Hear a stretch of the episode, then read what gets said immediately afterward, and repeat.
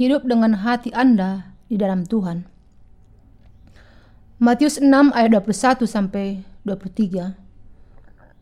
Karena di mana hartamu berada, di situ juga hatimu berada. Mata adalah pelita tubuh. Jika matamu baik, teranglah seluruh tubuhmu. Jika matamu jahat, gelaplah seluruh tubuhmu. Jadi jika terang yang ada padamu gelap, betapa gelapnya kegelapan itu.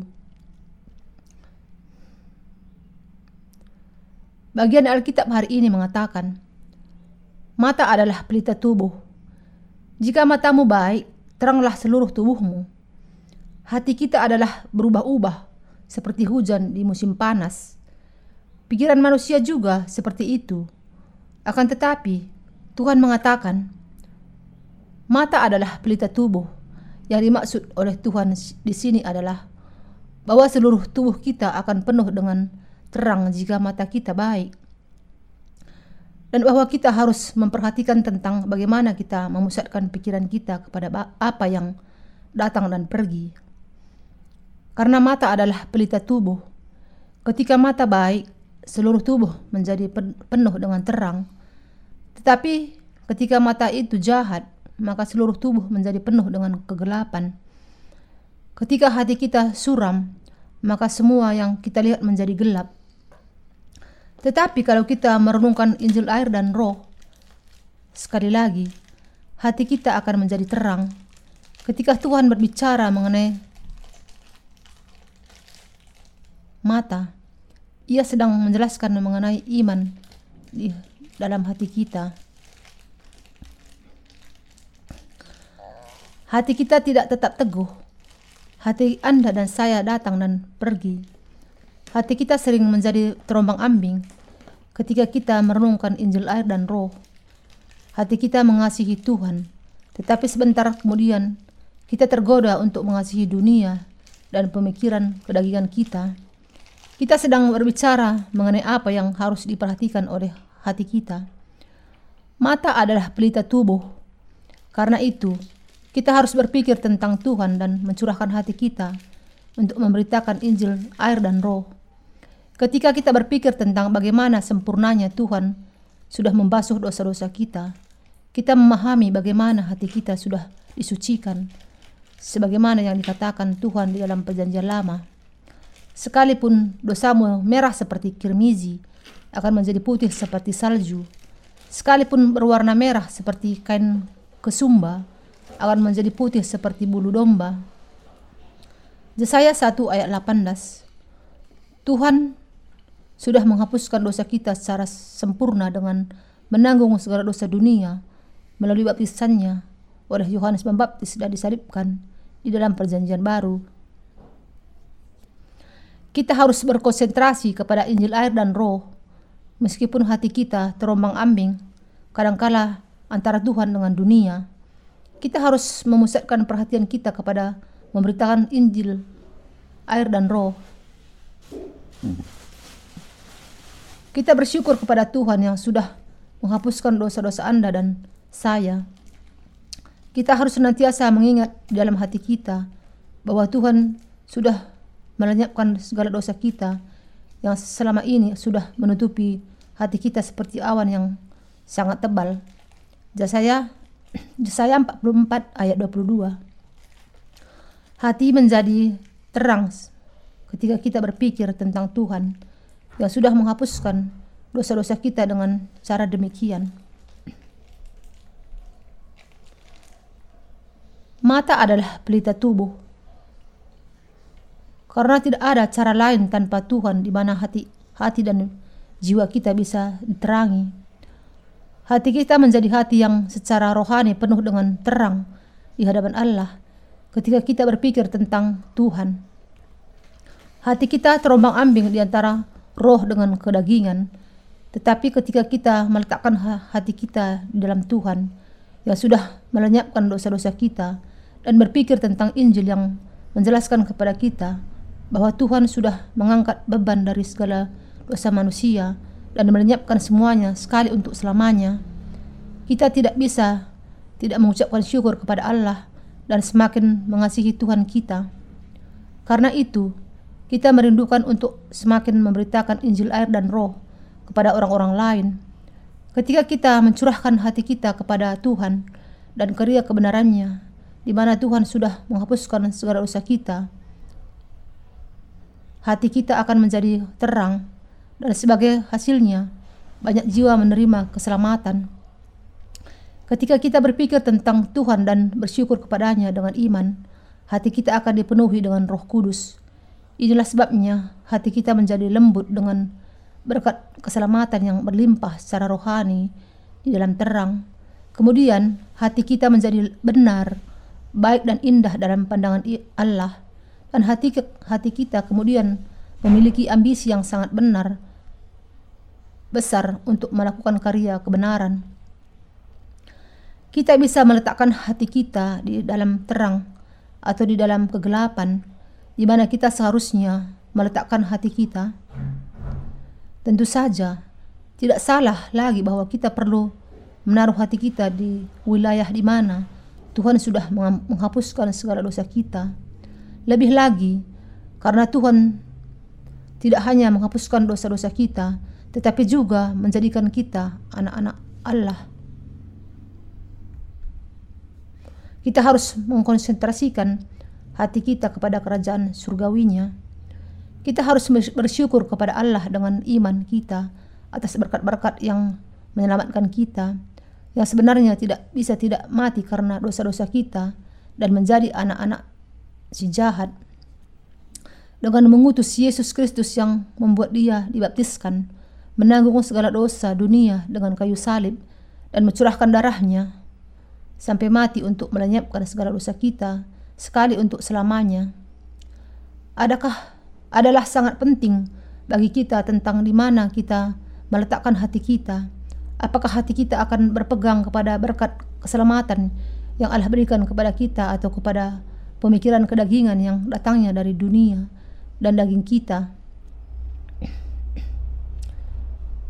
Tergantung dari di mana kita meletakkan hati kita, hasilnya akan sangat berbeda. Kita bisa memutuskan yang ini atau yang itu. Dan meskipun hati kita terombang ambing dan meskipun hati kita juga goyah, saya mau mengatakan kepada Anda bahwa kita harus meletakkan hati kita di dalam keselamatan yang diberikan Allah kepada kita. Kita harus meletakkan hati kita di dalam kenyataan bahwa Allah sudah memberikan kepada kita kerajaan surga dan berkat-berkat dari Allah. Ketika kita menetapkan hati kita untuk meletakkannya di tempat di mana Allah sudah menghapuskan segala dosa kita yang seperti mendung yang gelap dan menjadikannya putih seperti salju dan berdoa kepada Allah Allah mendengar dan menjawab doa Anda kita harus menetapkan hati kita kepada Allah dan untuk pekerjaan-pekerjaan rohani dengan keyakinan bahwa Allah berkenan dan akan pekerjaan kita memberitakan Injil dan air roh. Air dan roh. Kemudian kita bisa mengalami bagaimana hati kita menjadi or, menjadi terang dan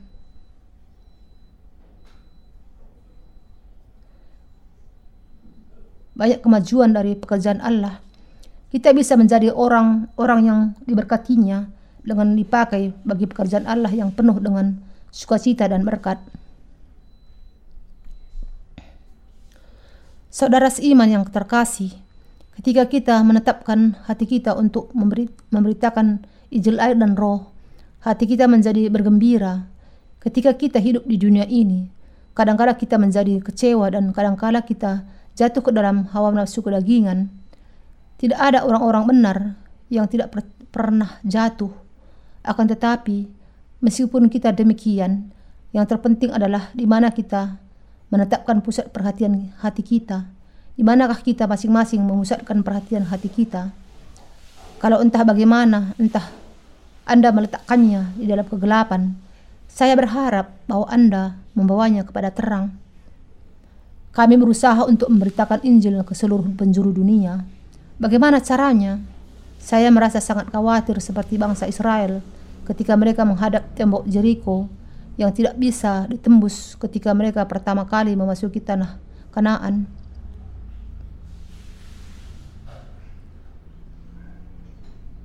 Halangan yang pertama bagi bangsa Israel adalah tembok Jericho. Tembok Jericho adalah tembok yang sangat kuat dan kokoh. Tembok itu tidak akan bisa diruntuhkan dengan tombak dan pedang karena dibangun dengan batu yang sangat besar. Tembok itu tidak mudah untuk diruntuhkan Orang-orang Jericho juga bersiaga di atas tembok. Jadi bagaimanapun usaha bangsa Israel untuk merobohkan tembok itu, bangsa Jericho hanya menyaksikan sambil mengejek bangsa Israel dari atas tembok mereka.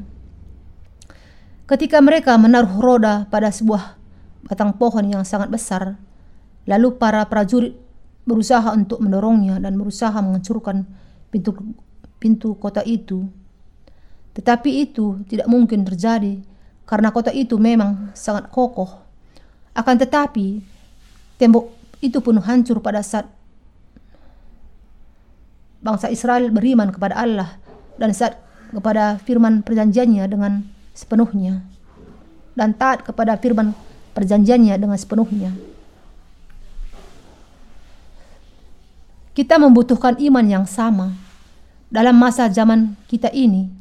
Kalau kita tidak meletakkan hati kita kepada Allah, kita tidak akan bisa melaksanakan misi kita memberitakan Injil air dan roh. Akan tetapi, kalau kita meletakkan hati kita kepada Allah, saya tahu bahwa sangat mungkin untuk memberitakan Injil air dan roh ke seluruh penjuru dunia. Kalau kita tidak memiliki iman kepada Injil air dan roh, kita tidak akan bisa memberitakan Injil dan sebagai akibatnya, dunia ini akan menuju kehancuran. Ketika kita berusaha, berusaha untuk memberitakan Injil air dan roh ke seluruh dunia, sampai hari ini ada banyak kesulitan. Kami memutuskan untuk menerbitkan buku-buku misi kami tentang Injil air dan roh di berbagai bahasa dan mengirimkannya kepada semua orang di seluruh dunia. Karena itu, buku-buku tentang Injil ini sudah diterjemahkan ke dalam berbagai bahasa di dunia ini. Dengan menerbitkan dan mendistribusikannya, kami bisa menyebarkan Injil yang benar itu ke seluruh dunia. Sekarang, ketika kita berpikir mengenai memberitakan Injil air dan roh ke seluruh dunia dan menetapkan hati kita untuk hal itu, hati kita akan diterangi. Anda dan saya masih di dalam daging, sehingga kalau kita menetapkan hati kita kepada Tuhan, hati kita akan bersuka cita dan hati kita akan menjadi cocok untuk melakukan pekerjaan bagi Injil di hadapan Allah. di sisi lain, kalau kita tidak menetapkan hati kita untuk memberitakan Injil, tetapi kepada hal-hal duniawi, hati kita akan menjadi sangat kotor sekali. Meskipun hati kita terombang ambing antara daging dengan roh, sangat penting untuk membuat hati kita terbenam pada Injil air dan roh, sebagaimana tertulis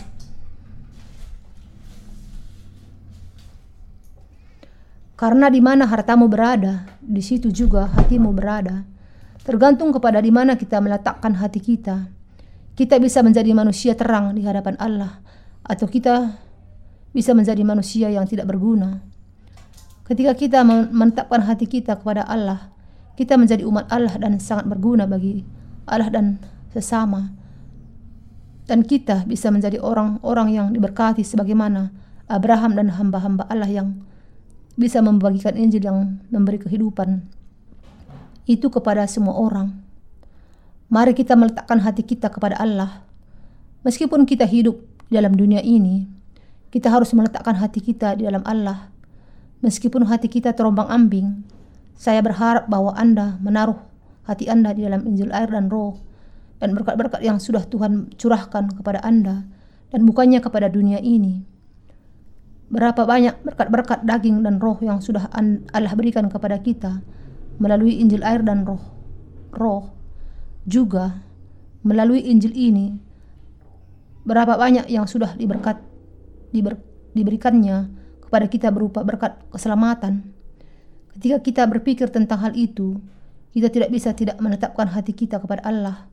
Sangat berguna bagi kita jika kita menetapkan hati kita kepada Allah juga sangat berguna bagi kita jika kita menetapkan hati kita kepada Injil. Sangat berguna bagi kita untuk menetapkan hati kita kepada keselamatan besar yang sudah menghapuskan segala dosa kita. sangat pantas bagi kita untuk bersyukur kepada Tuhan dan memuliakan Tuhan dan sangat berguna bagi kita jika kita bekerja bagi Injil air dan roh. Kita juga bersyukur kepada Allah karena menjadikan kita sebagai anak-anaknya. Tuhan memberikan kepada kita surga dan hal itu membuat sangat masuk akal jika kita menetapkan hati kita kepada Tuhan.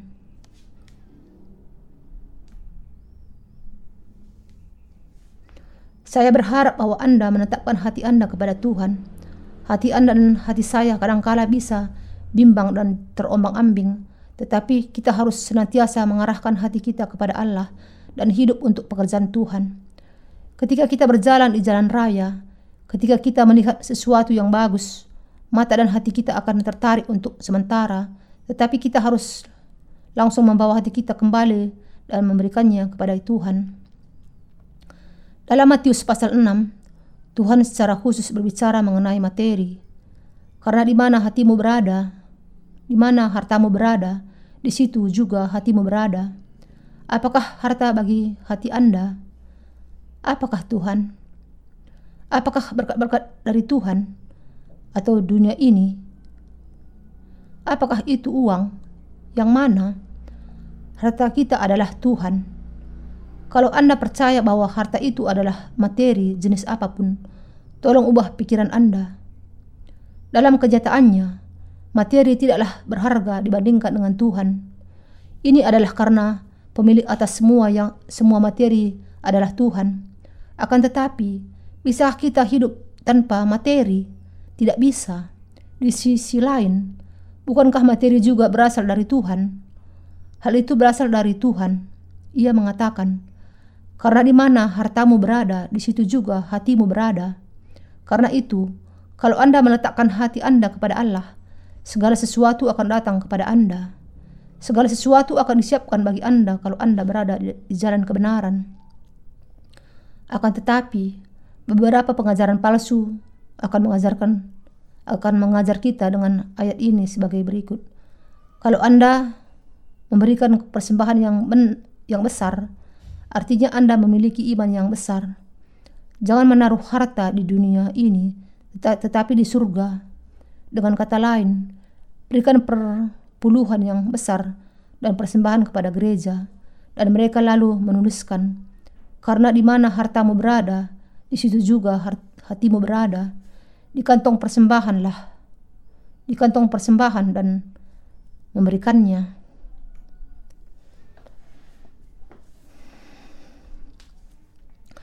Ini adalah pengajaran palsu. Tujuan dari gereja dunia ini adalah untuk mengalami kemakmuran di dunia ini. Karena itu, yang mereka perhatikan hanyalah mencari uang. Memang sangat bagus kalau mereka memakainya untuk kebenaran, tetapi mereka memakainya hanya untuk memenuhi keinginan ketamakan mereka sendiri. Mereka sangat ahli dalam mencari uang. Mereka mengutip ayat Alkitab jenis ini untuk meminta uang kepada orang-orang Kristen dan membuat mereka membawa semua tabungan mereka di dalam nama mereka kepada gereja. Beberapa pengkhotbah mendorong untuk membangun gedung gereja yang baru dengan mengambil uang dari anggota gereja. Apakah ini sesuatu yang benar? Karena di mana hartamu berada, di situ juga hatimu berada. Karena yang mereka pikirkan hanyalah mengenai membangun gedung gereja, itu harta mereka.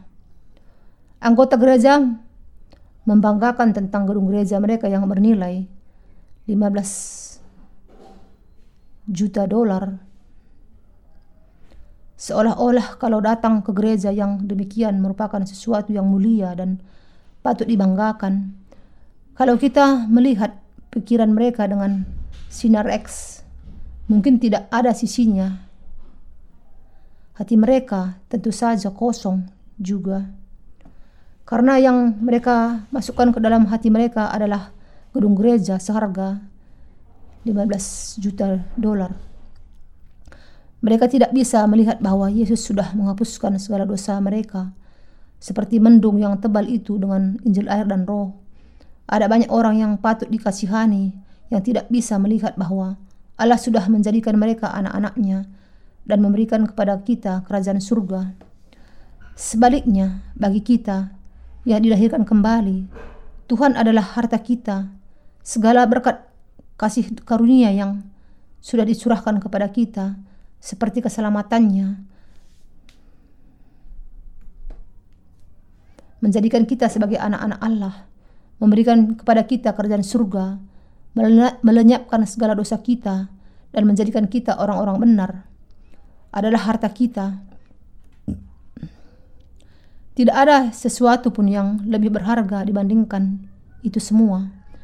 Sebagaimana sebuah lagu rohani mengatakan, demikian. Aku memiliki, aku memilih Yesus dibandingkan emas dan perak tidak ada kehormatan di dunia ini yang lebih berharga dibandingkan dengan memiliki Tuhan Yesus. Tidak ada yang lebih berharga dibandingkan dengan keselamatan yang diberikan Tuhan kepada kita. Karena itu, Anda dan saya harus memberitakan Injil air dan roh kepada hati para manusia.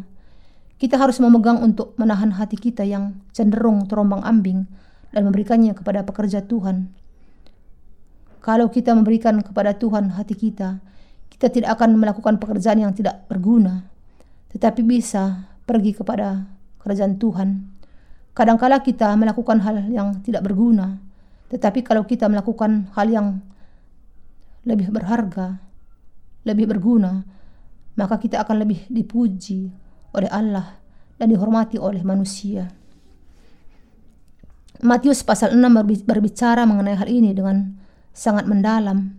Tetapi carilah dahulu kerajaan Allah dan kebenarannya, maka semuanya itu akan ditambahkan kepadamu. Sebab itu, janganlah kamu khawatir akan hari esok, karena hari besok mempunyai kesusahannya sendiri. Kesusahan sehari cukuplah untuk sehari. Anda dan saya harus meletakkan hati kita kepadanya dan pekerjaannya. Kita harus terlebih dahulu mencari kerajaannya dan kebenarannya. Bagaimana Allah menyelamatkan kita, ia membasuh segala dosa kita menjadi putih seperti salju dengan air, darah dan roh kudus. Ia sudah melenyapkan segala dosa kita yang seperti mendung tebal menjadi putih seperti salju. Kita harus mengucap syukur kepada Allah. Dan bersyukur kepada Tuhan yang adalah juru selamat kita yang sempurna. Dan kita harus mencari dahulu kerajaannya di dalam hati kita. Adalah kehendak Allah bahwa Injil air dan roh disebarkan ke seluruh dunia sehingga orang-orang yang percaya kepada hal itu menjadi percaya dan yang tidak tidak percaya kita harus memberikan kesempatan yang sama untuk mendengar Injil Injil kepada semua orang untuk memenuhi kehendak Allah. Kita harus melakukan pekerjaan yang demikian. Jadi memang demikian. Harta yang benar bagi Anda dan saya adalah Tuhan. Meskipun kita adalah orang-orang yang memiliki banyak kelemahan, mari kita menetapkan hati kita kepada Tuhan. Mari kita meneguhkan hati kita kepada Tuhan dan memberitakan Injil air dan roh sesering mungkin. Haleluya. Kita bersyukur kepada Allah karena menolong kita meletakkan hati kita di dalam Tuhan.